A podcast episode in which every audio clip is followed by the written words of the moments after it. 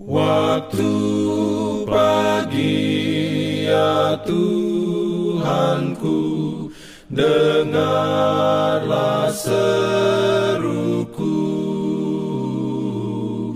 Melayang doa yang sungguh Memandang padamu Selamat pagi pendengar Radio Advent Suara Pengharapan.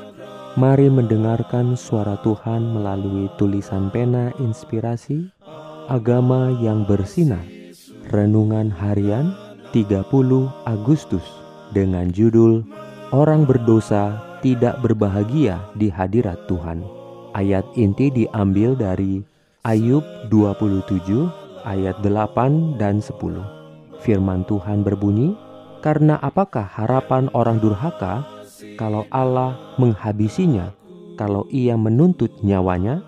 Dapatkah ia bersenang-senang karena yang Maha Kuasa dan berseru kepada Allah setiap waktu? Diberikannya perlindungan dalam pimpinannya. Urayanya sebagai berikut. Dalam keadaan tanpa dosa, manusia dapat menikmati hubungan yang penuh sukacita dengan Allah, oleh karena di dalam Dialah tersembunyi segala harta hikmat dan pengetahuan. Namun, setelah manusia jatuh dalam dosa, ia tidak lagi dapat merasakan sukacita yang kudus, bahkan ia berusaha lari dan bersembunyi dari hadirat Allah. Demikianlah keadaan dari hati yang belum diubahkan. Manusia tidak lagi harmonis dengan Allah dan tidak lagi menemukan sukacita dalam hubungan dengannya. Orang berdosa tidak bisa merasa bahagia di hadirat Allah.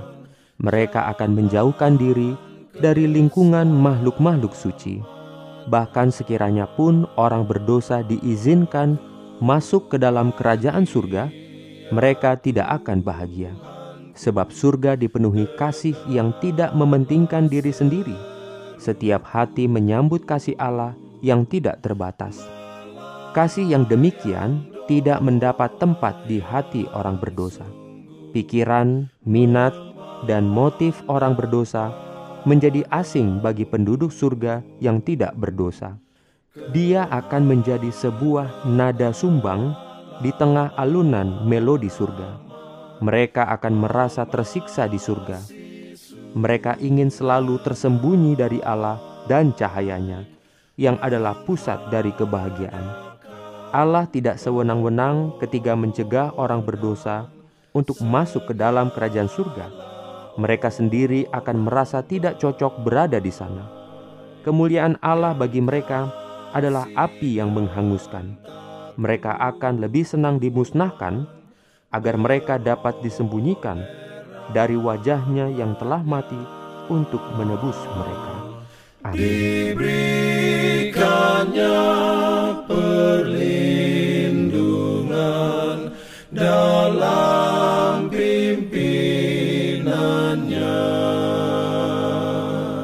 Pimpin Jangan lupa untuk melanjutkan bacaan Alkitab sedunia percayalah kepada nabi-nabinya yang untuk hari ini melanjutkan dari buku Mazmur pasal 116. Selamat beraktivitas hari ini. Tuhan memberkati kita semua. Jalan kewajiban, jalan keselamatan.